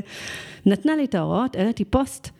תקשיב, זה הפוסט שהיה לו הכי הרבה shares באמץ רופא ever. הפוסט הזה הגיע לכל חוג סריגה ברחבי הארץ, אה, סורגות אה, מזכרת בתיה, אה, יושב ראש איגוד הסורגות בארץ, whatever והכל. טוב לדעת שיש כאלה כן, כן. רשתות סורגות כן, בארץ, כן, יש מי הרי? משהו, ו- וגם לא נעים לי, כי הייתה מישהי במרמלדה מרקט שמכרה את הדברים האלה, וכאילו הרסנו לה את ה business, כי כאילו Mm. פתאום נהיו, באמת, אלפי סורגות שישבו וסרגו, וסרגו כפתורים והתחילו להעביר כפתורים, ואז מישהי אמרה, יש לי אוסף כפתורים של סבתא שלי שנפטרה, שהיא אספה את כל הכפתורים, חיכיתי להזדמנות להשתמש בכפתורים, ועכשיו אני, אתרום-" כאילו, באמת, אני, אני, אני באמת דומעת מהזה, זה עושה לי...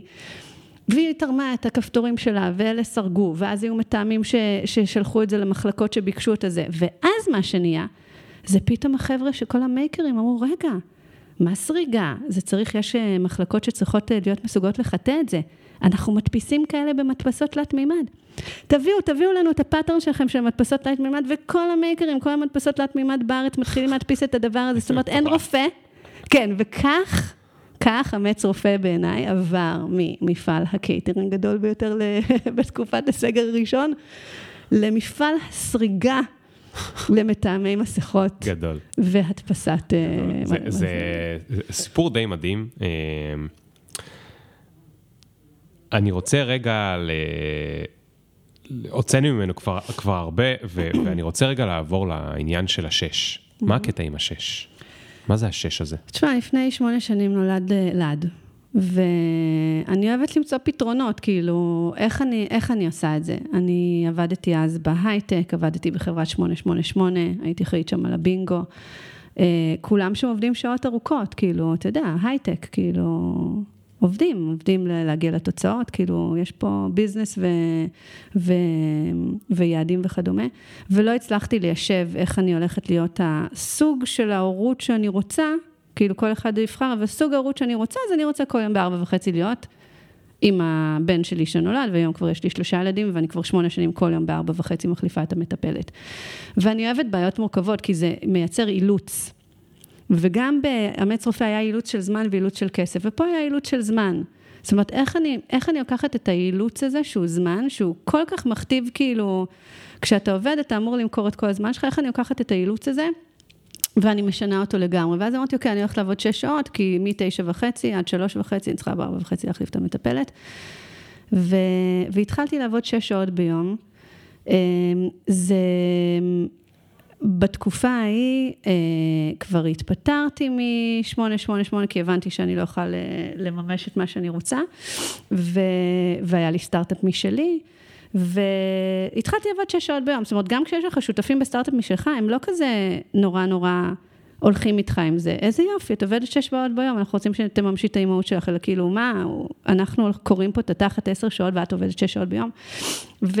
עשר במקרה הטוב, בהתחלה. בדיוק, סטארט-אפ. ו- ואני ראיתי שהאילוץ הזה אה, גורם לי לחשוב מחדש על זמן, ולא על ניהול זמן, זה כאילו לא שאני דוחש סט פרודוקטיביות לתוך יוניט של דקה אצלי, אני לא בקטע הזה, אלא אני פשוט... אה, התחלתי להתייחס אל כל העבודה וכל היעדים שלי וכל המטרות שלי וכל הדברים האלה באופן אחר, שהזמן הוא פחות פונקציה של זה.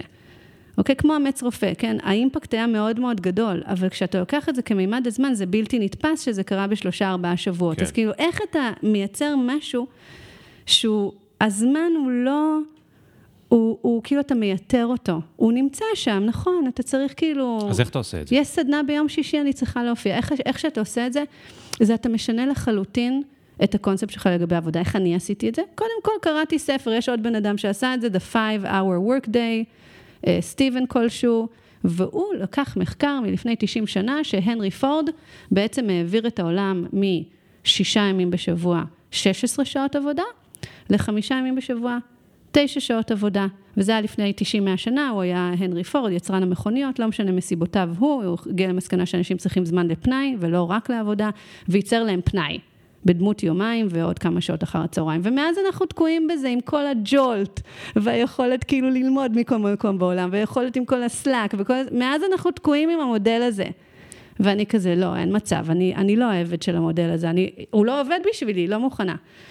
ואז אתה, קראתי בספר הזה שהוא שינה את כל המודל של התמרוצים של העובדים שלו, והוא אה, הוא, הוא הגיע ליעדים אחרים, וכל השש שעות, ב, כאילו כל החמש שעות, איך הוא, איך הוא בעצם בנה אותם. אז אני הגעתי לאמת שלי, קראתי מחקרים, ראיתי איך הכי יעיל לדוגמה לעבוד בפולסים של 52 דקות עבודה ו-17 דקות מנוחה, וב-52 אה, דקות האלה להיות בדיפ וורק. הגעתי למסקנה שאני לא כל יום יוצאת פגישות ועובדת uh, בשקט, אלא יש לי ימים שקטים ויש לי ימים שאני עובדת בהם. הגעתי למסקנה שבשש שעות ביום אני לא נותנת את הזמן שלי 100% למקום אחד. כאילו, נניח היום אני יועצת אסטרטגית למנכ"ל של חברה שנסחרת בנסדק, יום אחד בשבוע, אוקיי? Uh, אני יומיים בשבוע, אני, יש לי קורס של תודעת העל שאני מעבירה, וביתר השבוע אני מפתחת וכותבת את הספר שלי. זאת אומרת, אני, אני התחלתי לעשות מין... slice and dice של הזמן שלי, ככה שמי שהוא הפטרון והמנהל של הזמן הוא אני, כן. ואני יודעת, אוקיי? מתי אני נמצאת ב, אה, במין פרץ של פיצוח וגאונות, מתי אני נמצאת במקום ש... כאילו, אני, אני מתנהלת במין, אה, אני עושה עם היד מין גלים כאלה, שהם לא כל יום נראה אותו דבר, וכל יום אני מחלטת מעצמי את ה... אוקיי, אני חייבת לעשות את ה... כאילו, יש איזושהי גמישות מסוימת של כן. לראות באיזה... מצב אני, אבל אני עובדת שש שעות, וחשוב לי להגיד, כי זה תמיד כאילו עולה, אני מרוויחה היקף של משכורת מלאה. זאת אומרת, אני לא עובדת שש שעות ומרוויחה שני שליש, ואני גם עבדתי שש שעות כשכירה, כפרילנסרית, כיועצת, כעצמאית, כ- כאילו בכל האופנים. זאת אומרת, אי אפשר להגיד, טוב, את... איך כשכירה? איך כשכירה? אנשים מגיעים ואומרים, אנחנו רוצים אותך. חברת סייבר על הבלוקשיין, אנחנו רוצים אותך. אה, את האישה שעובדת שש שעות, נכון? cool. טאדאם. אוקיי, אז, אז זה בתנאי שיש לך לפני זה את ה-X שנים שבהם השגת ניסיון ו networking שיאפשרו למצב הזה שבו מישהו יגיד, אנחנו רוצים אותך. אני חושבת, ליאור... רוב העובדים שעובדים פה, אף אחד לא בא אליהם ואמר להם, אנחנו רוצים אתכם. אבל... פתחנו אבל... משרה ומאה איש הגישו ומתוכם אחד התקבל. נכון, אבל אני חושבת, תסתכל, אני לא בעד שאתה ישר תביא את כל האילוצים שלך מראש, אבל אני כן חושבת שאתה צריך להביא את האני מאמין שלך מראש, אוקיי? ולהבין אם האני מאמין שלך הוא aligned עם האני מאמין של ה... אה, הארגונית. אני חושבת שדיברתם על זה באחד מה... בטח בהרבה מאוד פרקים דיברתם על זה, ובאלה שאני שמעתי, ואולי עם יאיר יונה. וכשאתה מביא את האני מאמין שלך, אז אני מאמין שלי, אוקיי? זה להיות בהורות נוכחת משעה ארבע וחצי בצהריים. כן. האם אתם מכבדים את, את, כן. ה, את ההוליסטיות הזאת. זאת אומרת, יכול להיות שזה יוריד 90 אחוז ממקומות העבודה, אבל יישארו לי עדיין 10 אחוז מקומות עבודה שכן ירצו לשמוע על זה. ויכול להיות ש... ש... לא יישארו עשרה אחוז האלה, ואני אצטרך להמציא את עצמי ולהיות פרילנסרית. כן. זאת אומרת, אני, אני באמת דוגלת ליאור במה הביצה ומה התרנגולת. זאת אומרת, אם אתה קודם כל באמת, מגיע לאיזשהו, אני מאמין כזה, איך נראים חיים משמעותיים ומספקים עבורי, אוקיי? יכול להיות שזה להיות כל היום על מטוס, ולהיות בכנסים, ולהיות באקשן, זה נהדר, זה מדהים, אחלה, או-פי על זה. אבל עבורי זה היה כאילו חיים שיש לי חופש קריאטיבי מאוד מאוד גדול. אני סוליסטית ואינדיבידואליסטית, אני לא יכולה שיהיה לי בוס על הראש, והיו לי שנים בוסים על הראש. אה, אני אוהבת ליזום ולקדם ולהצעיד דברים, ועולמות התוכן שלי משתנים, יום אחד אני בבלוקצ'יין, יום שני אני באמץ רופא, יום שלישי אני עכשיו כן. ב, ב, בכל הנושא של המתכון. אז כאילו, אני רוצה את הגמישות הזאת, ואני אייצר לעצמי עכשיו את התנאים המיטביים, וזה דורש איזושהי אמונה פנימית, אבל זה, זה גם קיים במישהו בן 20 עם האטיטוד הזה, גם אם אין לו יום אחד של ניסיון. אתה מבין, יש לו את הניסיון חיים שלו, יש לו את איך שהוא אה, ניגש למבחנים, יש לו את הצבא שהוא עשה, לא יודעת, כולנו באים בסופו של דבר עם סך כל החלקים שהגענו אליהם עד היום, ואני מאמינה פשוט לתקשר את זה. כאילו, תקשיבו, אתם יודעים מה הפחד הכי גדול שלי במקום העבודה הזה? שאני לא אראה את הילדים שלי, שאני הכל, אני יודעת איך אני, אני כל כך טוטאלית וכל כך שקועה.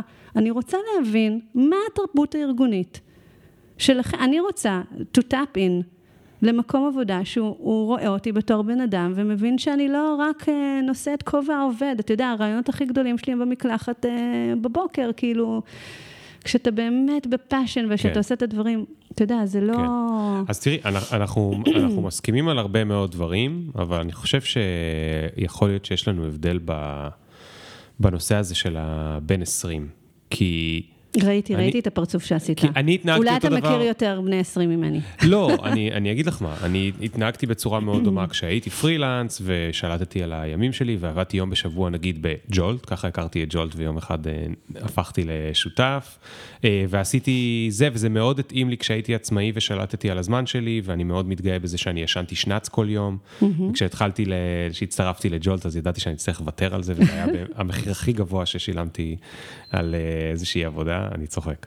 אמ, אבל אם להיות הכי כנה, או צריך להגיד כן, פשוט לא, לא נשמע טוב, אבל אם להיות הכי כנה, אני חושב שיכולתי לעשות את הדברים האלה הרבה מאוד, אה, כי היה לי בסיס מאוד מאוד יציב לבנות עליו, ש... כן לקח הרבה מאוד שנים של הרבה מאוד עבודה כדי להיות עליו. וכשאני אומר בסיס, אני מתכוון בסיס של נטוורק, זאת אומרת, יש אנשים שמכירים אותי ואני מכיר אותם והם יודעים מה הערך שלי. אה, יש בסיס של אה, אה, ניסיון שצברתי, אפילו, אפילו כדי לדעת מה הדברים שכדאי לעשות בתוך אותם שש שעות, זה שנים של לעשות את הדברים הלא נכונים ולחטוף את הכאפה מהחיים, או מהבוסית, או מה, מהזה שאתה גומר בשתיים בלילה ו... או שאתה סטארט-אפיסט ואתה כן. כאילו חודשים עשית זה ואתה אחרי חודשים אומר, וואי, אני רצתי המון, אבל כאילו רצתי במקום, זה לא כן. זזתי שום מקום. נכון. ואחר כך אתה יודע שאתה בשש שעות אתה יכול לרוץ הרבה פחות ואתה תגיע הרבה יותר מהר, אבל כאילו הרבה מאוד ניסיון שנצבר והרבה מאוד... אה, אה, אה, אה, אז אני אומר, אני לא יודע אם בגיל 20 זה היה עובד לי, ויכול להיות שכן, אבל היה לי מאוד מאוד מאוד מאוד מאוד קשה להגיע ל-KPI הזה שאמרת שאני מאוד אוהב אותו, שהוא ההוכחה שזה אפשרי, זאת אומרת, אני בסוף מרוויחה את אותו כסף שהייתי מרוויחה במשרה מלאה. וזה ההוכחה שזה דבר שכדאי לשאוף אליו, כי זה לנצח את השיטה. אבל בפרטים הקטנים, נגיד שהייתי מתחיל לעשות את זה בגיל 20, אז יכול להיות שרק בגיל 50 הייתי מגיע לצבור את כל הניסיון והזה, או שאני מאותם יחידי סגולה בעולם, שזה כזה אחד למיליון, שזה אנשים שהם רק שומעים מישהו אחר אומר להם משהו יותר אה, חכם, ואומרים, אני אקשיב לו ואני אעשה בדיוק את זה, ולא אנסה את כל הטעויות בעצמי, כי רובנו עושים את הטעויות בעצמי. אז בוא נגלגל את הכדור ואת האחריות ואת המורשת אליך. אוקיי, אתה שותף בג'ולט, אתה כן. בן אדם של אנשי העולם החדש, כן. אתה כותב על זה ספרים, אתה מתעניין בנושא ומסתכל בנושא, ואתה רוצה באמת לייצר תרבות עבודה, ו- וניהול, כאילו ניהול, בכלל אולי לשבור את המילה ניהול קריירה, כן? כן? כאילו ללכת אחרי הפאשן. ואז אוקיי, בוא ניקח אחריות. אז אנחנו בני 45-50, 42, mm-hmm. בואו נייצר מקומות עבודה שבהם חלק, אפילו מתהליך הרעיון שלנו, זה, כמו שאני שאלתי, מה אתה רוצה? כאילו, עזוב את הטייטל. מה אתה אוהב לעשות? כן. יש איזושהי אמת בזה שהלכת ללמוד את זה, או שבאת לעשות אפליקיישן הזה, ולנסות, אני, אני מבינה שזה כאילו, אני לא רוצה להצטייר כפנטזיונרית, כי אני, אני מקווה שהוכחתי עד היום שאני לא, עד עכשיו, ממש אני לא, לא פנטזיונרית. את ממש לא, אנחנו עכשיו בדיוק, בתוך הפרטים בדיוק, של בתוך הפרטים. מי אז, כבר יכול לממש את זה מחר בבוקר. אז אני אומרת, כל עוד אנחנו ממשיכים בתרבות הזובור הזאתי, שאנחנו בבני, כשהיינו בני 20 לא היה לנו ניסיון, ואם היינו יודעים מה שאנחנו יודעים היום, ואנחנו לא ידענו לנהל את השש שעות, אז בואו נייצר את ה-know-how הזה. איך עובדים בשש שעות? בוא ניקח את כל המוחות ונעשה ונייצר תרבות ארגונית אחרת. אתה יודע, תומר בר זאב מהאיירון סורס, הוא לא חיכה שהמדינה תיתן אה, יום חופשי, whatever, ביום ראשון, פעם בחודש, הוא אומר, אני נותן יום חופשי פעם בחודש לעובדים שלי שיעשו מה שהם רוצים. וואי, את יודעת מה זו דוגמה מצוינת וחייבים להיתקע עליה. ננסה רגע לפשט את עולם ה business. יש בעולם הביזנס, אה, נדמיין שהיו רק, לא יודע, יש מלא מלא מלא סוגים, סוגים של עסקים, אוקיי? הנה פרמטר אחד שעל פיו אני יכול אה, אה, אה, לשפוט את העסקים. הפרמטר הזה הוא המרג'ין, כמה בסוף החודש כסף נשאר אחרי ההוצאות ואחרי ההכנסות לעסק.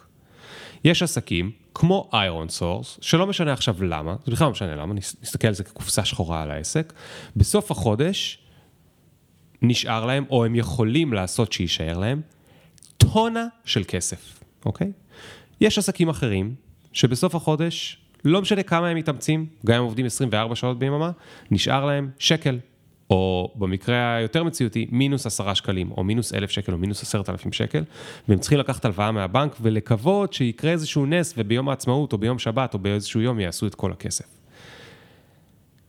ככל שאתה נמצא במקום שבו בסוף החודש נשאר לך יותר כסף, אתה יכול לאפשר לעצמך, אתה יכול להגיד, אני אהיה פחות חזיר, ואני יותר אשחרר לעובדים שלי יותר פנאי, יותר לחיות, הם יוכלו לעבוד פחות, הם לא צריכים להיות פרודקטיביים כמו שהייתי צריך uh, זה, ואני יכול לעשות אה, מהלכים כאלה. כשאתה נמצא במקום, יש מקומות, יש מקומות שבהם ראיתי אנשים עובדים מאוד קשה והם באמת מאוד פרודקטיביים, ועדיין אתה בקושי סוגר את החודש, אתה פשוט לא יכול לעשות את זה.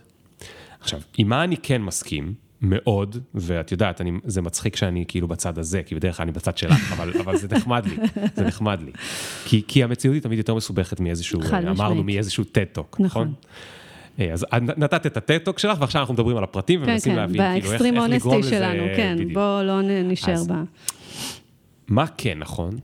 שלא בטוח, למשל, שבן אדם בכלל יכול להיות פרודקטיבי. תשע שעות ביום, נכון. או 12 שעות ביום. בטוח לא. כולנו רואים את זה. אנחנו במשרד. ליאור, כל המחקרים אנשים מראים, בטוח לא, בוודאי. נכון, אנשים במטבח, נכון. אנשים בפייסבוק, אנשים בזה, חבל. וגם אני, שהיו לי שותפים בניו סקול, בסטארט-אפ לפני ג'ולט, עבדנו חצי שבוע כפרילנס, חצי שבוע בניוסקול. בניוסקול היו שעתיים פגישות כל השבוע. מדהים. שעה אחת מתוכם ארוחת צהריים, שעה שנייה פגישה, וזהו, מדהים. בקושי מדברים. כל אחד עובד מהבית שלו, מהמשרד שלו. אה, ורן השותף שלי, שהיה מאוד כזה, שש שעות היה הרבה בשבילו ביום. הוא אמר, הפרודקטיביות שלי, של בן אדם אה, זה, זה ארבע שעות. שש שעות זה כולל הנסיעה והזה והזה.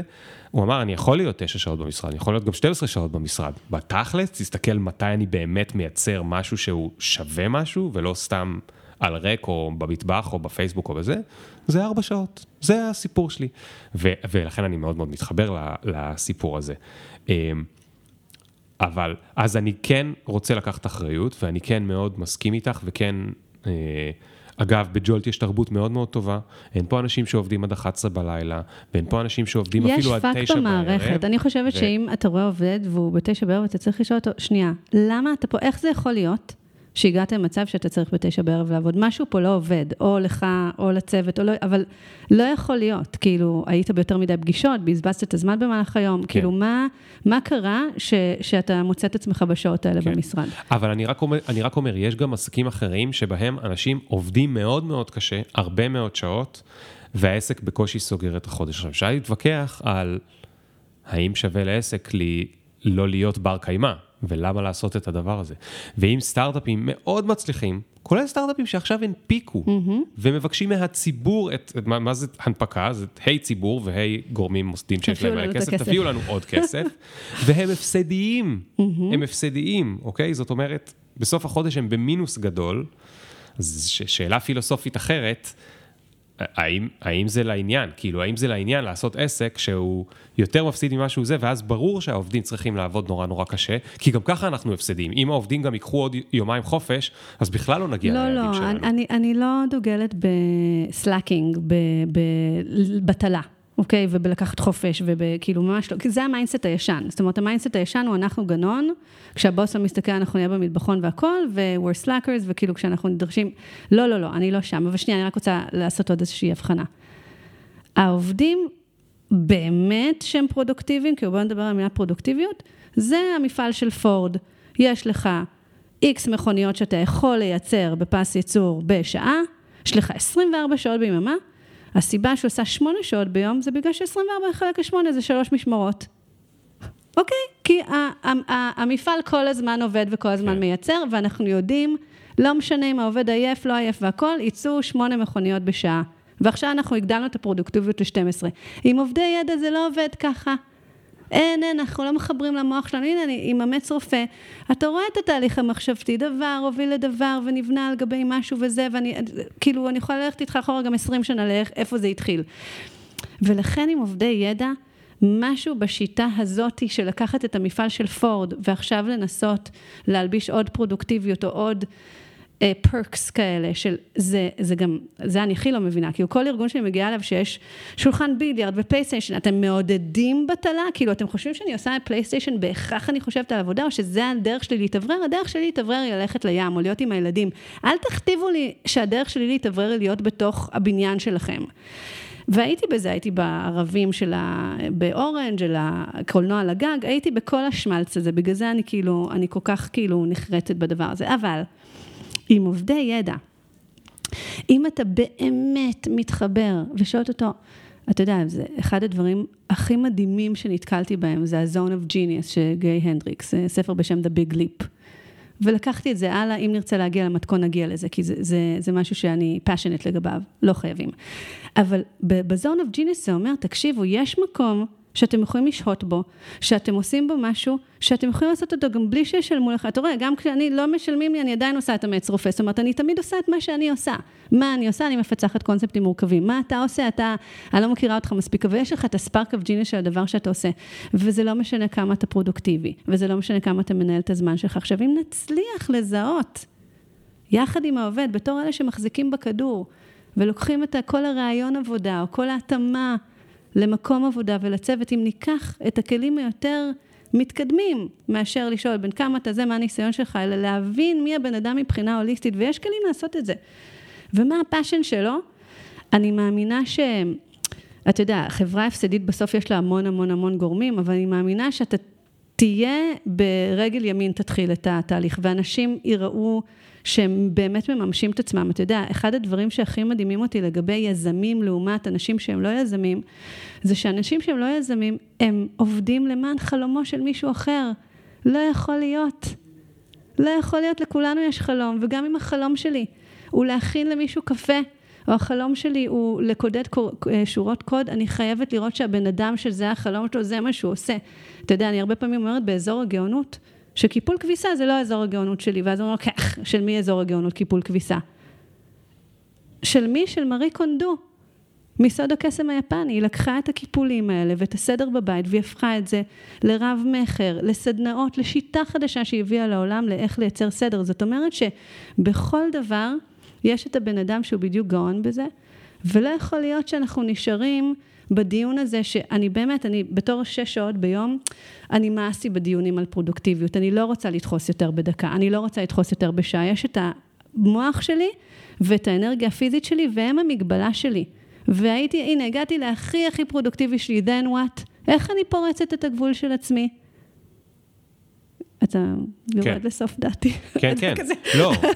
שנייה. תן לי שנייה לחזור שנייה. שנייה, אני צריכה לנחות, בוא נחשוב שנייה על וגאס ועל זה שאני רוקדת מול כל היום ולפרצוף שלהם בשביל שאני, אני לרגע המראתי, אבל בוא, נחזור לא, אני, לרגע הזה בשביל ש... שאני אחזור חזרה. בתוך המילה פרודקטיביות, אני כן גם כולל את המחשבה שהיא מחשבה מערכתית, או מחשבה scale. ואני שונא את זה כי זה, זה נורא מטא, אני אוהב לדבר בדוגמאות. אמ-המ. המחשבה בלמשל אמץ רופא, הייתה לא איך אני, עדי, מספיקה להתקשר לכמה שיותר רופאים ולמצוא להם בייביסיטרים וזה, המחשבה הייתה איך אני מייצרת שכמה שיותר רופאים, מישהו יתקשר אליהם ומישהו יעשה להם את הדבר הזה. זאת אומרת, לא אני, כי אם זה יהיה אני, זה הזמן ייגמר, אני אגמור את השש שעות וזהו, הגעתי לשלושה רופאים ונגמרה המשמרת שלי. נכון. זה מה שנספיק. ואם אני חושב בצורה מערכתית, זאת אומרת, אני כולל גם את זה בתוך המילה פרודקטיביות, לא צריך להתווכח על מושג פרודקטיביות, אבל אני חושב שזה סוג של פרודקטיביות. זאת אומרת, זה מייצר... או, זה כבר את אומרת- מעניין, זה כבר זה- שיח מעניין זה- אותי, הסוג הזה של פרודוקטיביות. כן, כן. אז, אז תגידי, אני יודע שאת עובדת על איזה ספר עכשיו? את נכון. יכולה לדבר על זה? בוודאי, איזו שאלה, זה הדבר שהכי מתרגשת. תקשיב, אני, אם למדת עליי משהו, זה שאני מדברת על דברים לפני שהם קורים, לא אחרי שהם קורים. כי אני פריקית של התהליך. ובתהליך, ככל שאתה מדבר עליו יותר, אתה קודם כל שומע את עצמך ומדייק את עצמך, ודבר שני, אתה כאילו, זה לא שאני מקבלת עצות מאנשים, אלא אני באמת מקבלת פרספקטיבות אחרות. אני בוחנת, כאילו, זה, אז קודם כל אני אוהבת לדבר על דברים לפני שהם הבשילו. אני גם לא אוהבת להראות את הסוף, כי הסוף, זה לא, זה לא באמת הצלחה. אתה יודע, בוא, לא עשיתי אקזיט, אוקיי? לא הרווחתי 200 מיליון דולר. זאת אומרת, אני לא ב... ב הסטנדרט הזה של המיליה הזה שהוא זה שהצליח, ואני עדיין איכשהו הולכת בעולם ומרגישה מוצלחת. אוקיי? אני חייב להגיד לך שאני כנראה הרבה יותר אה, בודהיסט ממה שאת חושבת.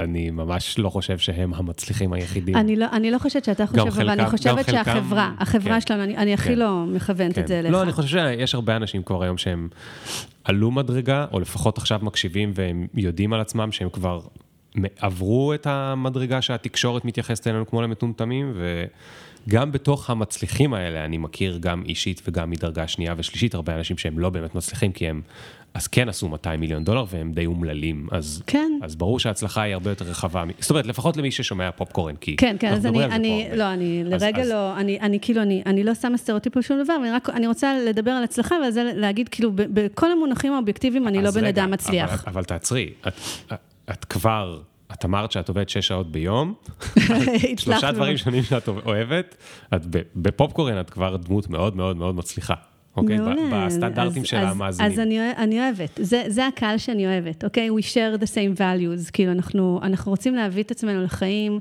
בסיפוק, באושר, בהנאה, באש, בתשוקה.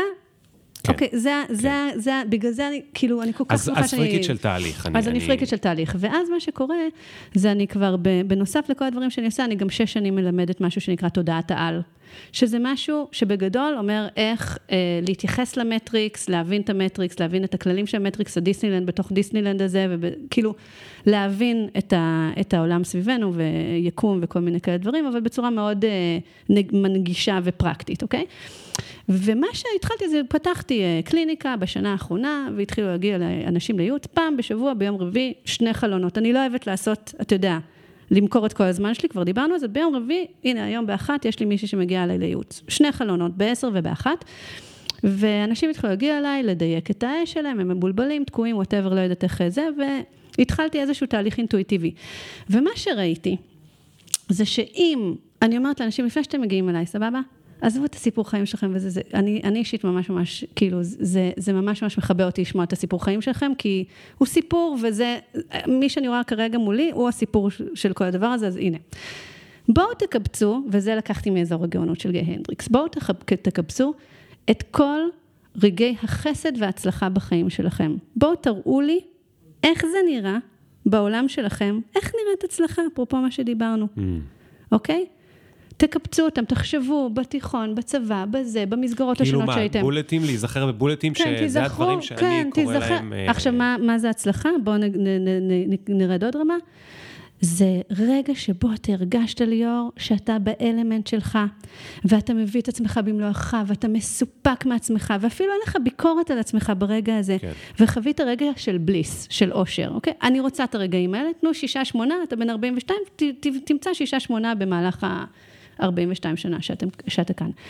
ואז מה שראיתי, שמביאים לי את הרגעים האלה, אני, אני אוהבת לקחת דברים אבסטרקטיים, כי כל אחד צריך בסוף לדעת מה הוא עושה בחיים. בסדר? מה שאני עושה זה אני לוקחת דברים אבסטרקטיים, ואני מאוד אוהבת לפצח אותם ולמצוא את ההקשרים ביניהם, את ה pattern ים, את התבניות. ומה שאני ראיתי, זה שמתחת לרגעים האלה, לכל בן אדם, יש מתכון, אוקיי? זאת אומרת, אתה אופה כל מיני עוגות, אבל בסוף אתה משתמש באותו מתכון תמיד. אותם מצרכים, אותו אופן הכנה, אותם ערבובים, בכל רגעי ההצלחה שלך. זאת אומרת שאם אנחנו ניקח... רגע, מה זה מתכון לדוגמה? תני לי דוגמה לדוגמה, למתכון. לדוגמה. מתכון הולך ככה, אני, אני אספר לך על המתכון שלי, בסדר? אני שמתי לב שקיבצתי את כל רגעי ההצלחה שלי, וטיפה I referenced it במהלך הפרק, זה שאני חייבת סביבה מאוד מאוד שקטה. זאת אומרת, כל הפיצוחים המחשבתיים שלי של אחד אחד לרבים, ושל השש שעות, ושל קמפיין שעשיתי בזמנו בשמונה שמונה שמונה, כל הרגעים המשמעותיים בחיים שלי, כולל המתכון עצמו של להגות את המתכון, קרה אחרי שעשיתי מדיטציה. זאת אומרת שהמתכון שלי הוא כזה, אני הולכת בעולם, ואנשים מדברים איתי, יש כל מיני הזדמנויות והכול, וכאילו בתת מודע שלי מחפש טריגר, אני מחפשת טריגר שילחץ לי על משהו. הקורונה הייתה טריגר כזה. למה? כי ראיתי שיש חוסר ודאות, והטריגר שלי זה בכאוס למצוא סדר. הופ, הקורונה לחצה לי על הטריגר. ואז מה הדבר הבא שאני עושה? אני כאילו, אני, אני עושה מדיטציה, אני אפילו לא, לא מוכוונת לזה. זה הדבר, השלב הראשון במתכון שלי. ולא, אני קודם כל מאתרת את הבעיה. אני אומרת, אוקיי, יש בעיה לרופאים. כאילו, הנה, איתרתי את הבעיה, לחצו לי על הטריגר ואני מאתרת את הבעיה שאני כאילו רוצה לפתור, לפצח. יש בעיה של הרופאים, מערכת הבריאות קורסת, עוד שנייה מגיעים כל הזנים של הקורונה, וכאילו, איך אנחנו הולכים, אה, איך אנחנו הולכים כאילו לתמוך ברופאים ברמה האישית, לא, אני לא משרד הבריאות.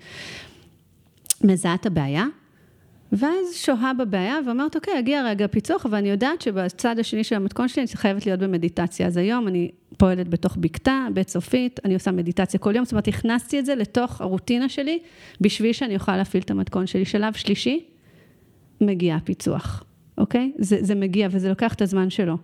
אבל ככה המתכון שלי, בפיצוח אני חווה רגע חסד, אני רואה את הכל בבת אחת, אני רואה את זה קורה, אני רואה את האחד לאחד לרבים ואת המשמעות של זה, ואני עוד לא רואה שאנחנו נהיה מפעל הסריגה הכי גדול, כי זה כבר... אה, ואז הדבר הרביעי שאני עושה, זה אני מספרת על זה לעולם.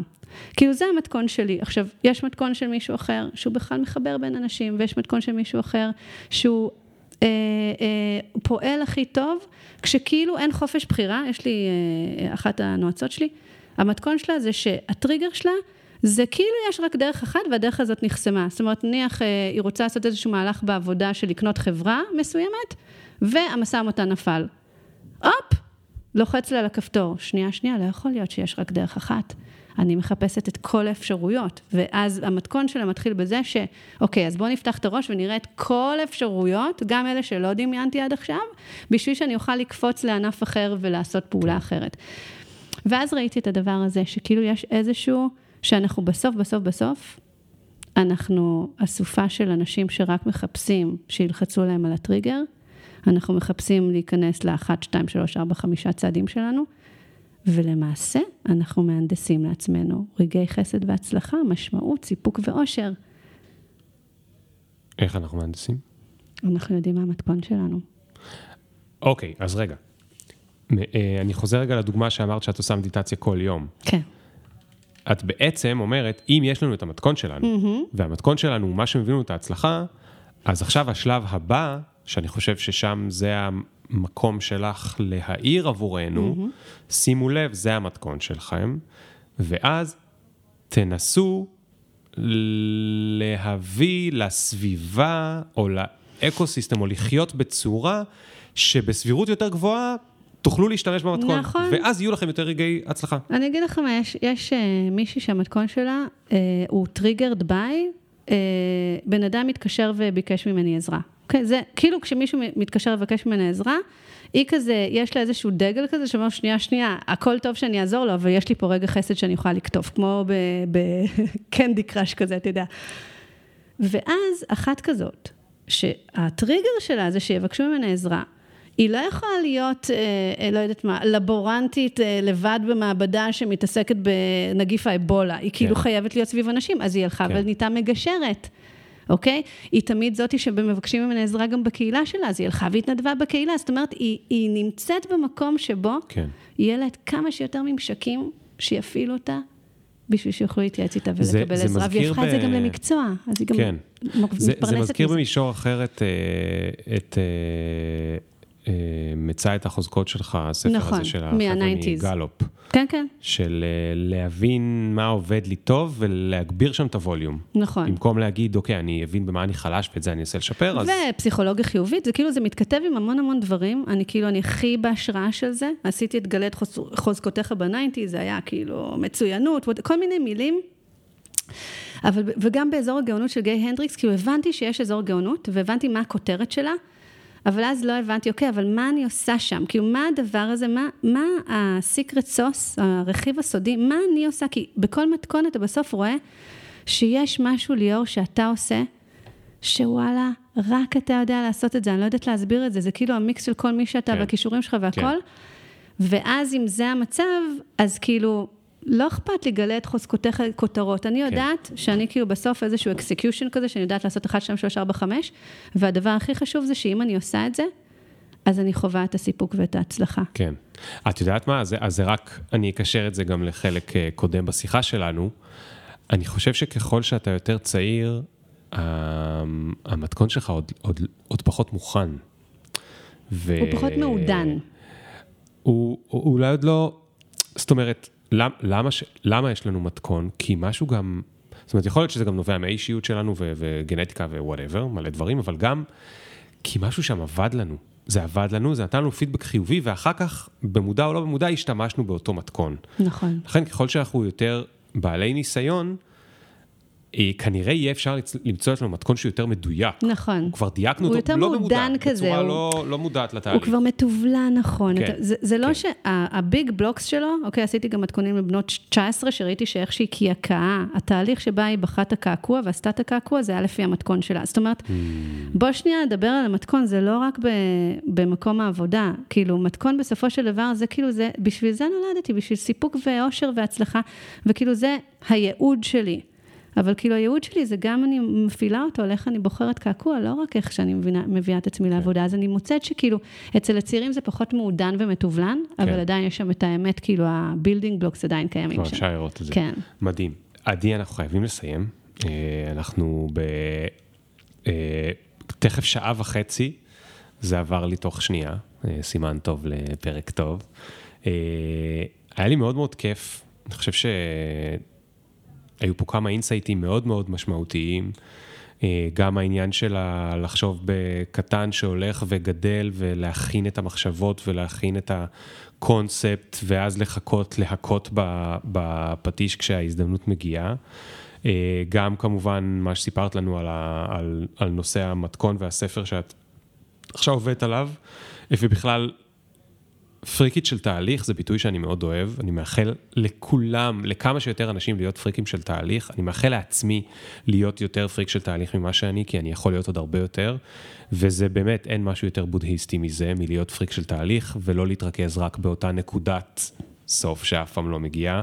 יש אה, בחור שלפעמים אני אוהב להקשיב לו, קוראים לו אקהרט טול, מכירה אותו? בטח, כוחו מה- של הרגע הזה. כן, כוחו של הרגע הזה, ו-The New Earth, וזה, והוא תמיד צוחק על הקטע הזה, כאילו, גם לפניו גדולים ורבים, רמדס וכולי, כתבו את, אה, כאילו דיברו על ה-power of now, אבל הוא תמיד צוחק שאנחנו כל הזמן רוצים להגיע כאילו לרגע ההוא שבו תהיה ההצלחה, וזה אומר שאנחנו אף פעם לא יוצא לנו לחיות את עכשיו, כי אנחנו תמיד בתכף, וגם כשזה מגיע, אז בדיוק אנחנו כבר חושבים על הדבר הבא, ואז איכשהו נגמרים החיים ולא יצא לנו לחיות עכשיו. ככה בנויות כל האופרות סבון הכי טובות. העלייה, העלילה אף פעם לא נגמרת. כן, תמיד, בדיוק. עוד פעם, אה, הנה, כן, האבא תכף. החורג מגיע. אבל, אבל גם האופרות סבון על חשבוננו, של החיים שלנו, בעבודה שלנו ובזוגיות שלנו ובכל מיני דברים אצלנו. אנחנו רוצים לנסוע לחו"ל, ואז אנחנו כבר ביום האחרון של חו"ל, אנחנו לא נהנים כי אנחנו רוצים לחזור לזה, ומתבאסים מה...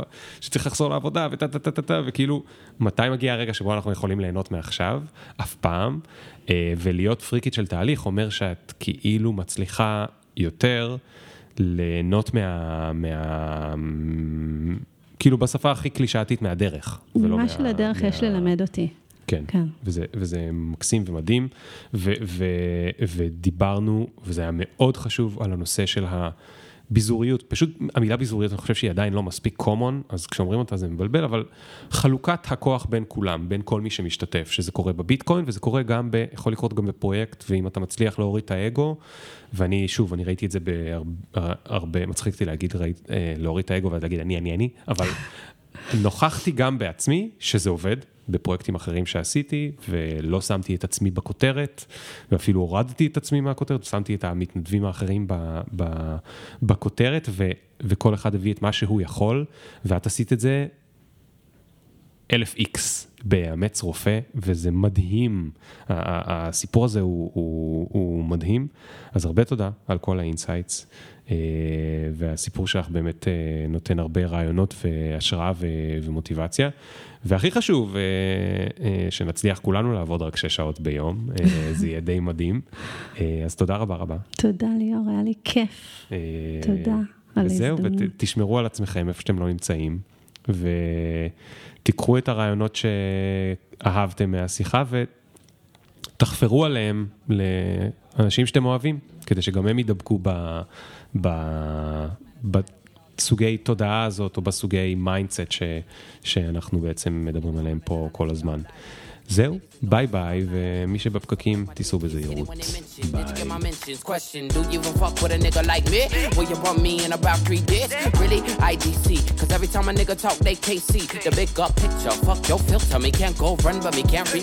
ביי.